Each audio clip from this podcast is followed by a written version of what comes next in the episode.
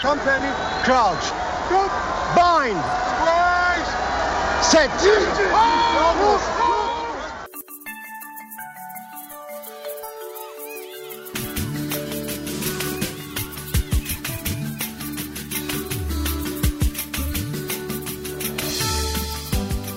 Die eerste rugby wêreldbeker in 1987. Net 16 spanne wat verdeel was in 4 groepe was hier in aksie. Dit het onbekende spanne soos Argentinië, Fiji, die VSA, Japan, Kanada, Tonga, Italië, Roemenië en Zimbabwe ingesluit. Van die ou skoollande wat daar was, was Nieu-Seeland, Australië, Engeland, Skotland, Wallis, Ierland asook Frankryk. Suid-Afrika was natuurlik nie teenwoordig nie. Die 16 spanne het Nieu-Seeland en Australië binnegeval met die All Blacks wat die groot gunstelinge was. Hierdie voorspelling sou akkuraat wees. In werklikheid, aan die einde van die toernooi het een van die Aussie skrywers gesê dat die All Blacks so dominerend was dat geen ander span eers derde was nie. Die eerste rugby wêreldbeker wedstryd het plaasgevind tussen Nieu-Seeland en Italië in groep 3 op Eden Park in Auckland op 22 Mei 1987 en die wedstryd was bygewoon deur 20000 toeskouers. Nieu-Seeland het die wedstryd met 70-6 oorheers met die flank Michael Jones wat 'n spesiale vermelding verdien want hy het die eerste 3 ooit in die rugby wêreldbeker gedruk. Die skeieregter vir hierdie wedstryd was die Australier Bob Fordham. Jones met die bynaam The Iceman sou verder gaan en het ook by die tweede wêreldbeker toernooi die eerste 3 gedruk. Dit was in 1991 teen Engeland in die openingswedstryd van daardie jaar.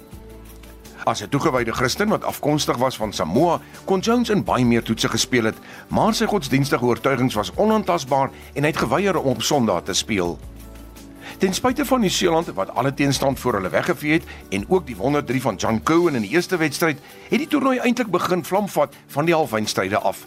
Dit was toe Frankryk en Australië op die Concorde Oval in Sydney in een van die klassieke wedstryd van alle wêreldbeker wedstryde gespeel het. Met slegs 'n paar minute oor in die telling op 24 elk, het beide spanne alles in die stryd gewerp om punte aan te teken om sodoende die eindstryd te haal. Frankryk het na regs aangeval deur Dennis Chavey voordat die spel na links swaai.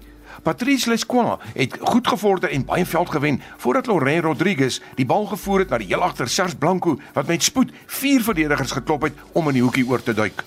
Die deur Canberra Barrow het die bal deur die paal gejag vanaf die kantlyn om die telling op 30-24 te staan te bring en die kertjie bekoek te sit in een van die mees sensasionele eindes van 'n wedstryd en byna daarmee die toekoms van die Wêreldbeker verseker het.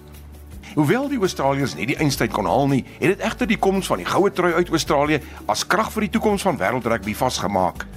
In die ander halfeind het die All Blacks verwalles platgeloop in meer as een opsig. Die telling was 49-6 met die loskankel Grant Fox wat 7 doelskoppe en 'n strafdoel behaal het maar die wedstryd sal onthou word vir die Nieu-Seelander nommer 8, Wayne Buck Shelford, wat die Walliser Hugh Richards neergevel het. Vandag sal dit nie weer gebeur nie, maar Shelford het geen straf ontvang nie terwyl Richards die veld moes verlaat. En toe die eindstryd. Rugby se eerste wêreldbeker eindstryd is in helder sonskyn op Eden Park in Auckland gespeel op 20 Junie 1987 en voor 'n skare van 46000 toeskouers. Kerry Fitzpatrick van Australië was die skeieregter en New Zealand C4 met 29 punte teenoor 9 teen Frankryk. So the French defense then breathes again as Bepizier aims into yet another line. He's been a very busy man. He's put far more balls into a lineup than he has to scrum as Cox. As Fox rather goes for a drop kick. That's charged down. Leziske fails to gather cleanly. The referee waiting for advantage. Michael Jones drives for the line. You get a try here.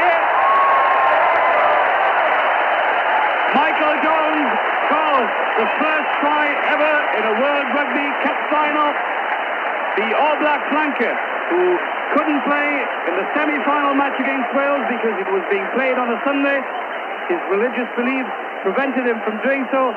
Now scores the World Cup final's first try. A very good try too, because he was right there on the spot. He had probably five yards back from the next, in front of the next Lucy, the first French Lucy across there. Great backing up. So it's Grant Foxton, having had that uh, drop goal attempt charged down and having seen a try result from it, now attempts the conversion, which he strikes absolutely cleanly.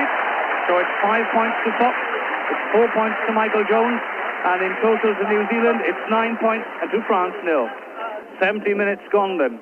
here at Eden Park, the match between France and New Zealand. It's the first ever final. Die oorwinning het beteken dat die skrimskankel van Nieu-Seeland, David Cook, wat kaptein van die span was, omdat die hakker Andy Dalton beseer was, die eerste speler geword het om die Webb Ellis Trofee omhoog te hou. In ons volgende uitgawe loer ons terug na die tweede toernooi wat in die Verenigde Koninkryk gespeel was in 1991.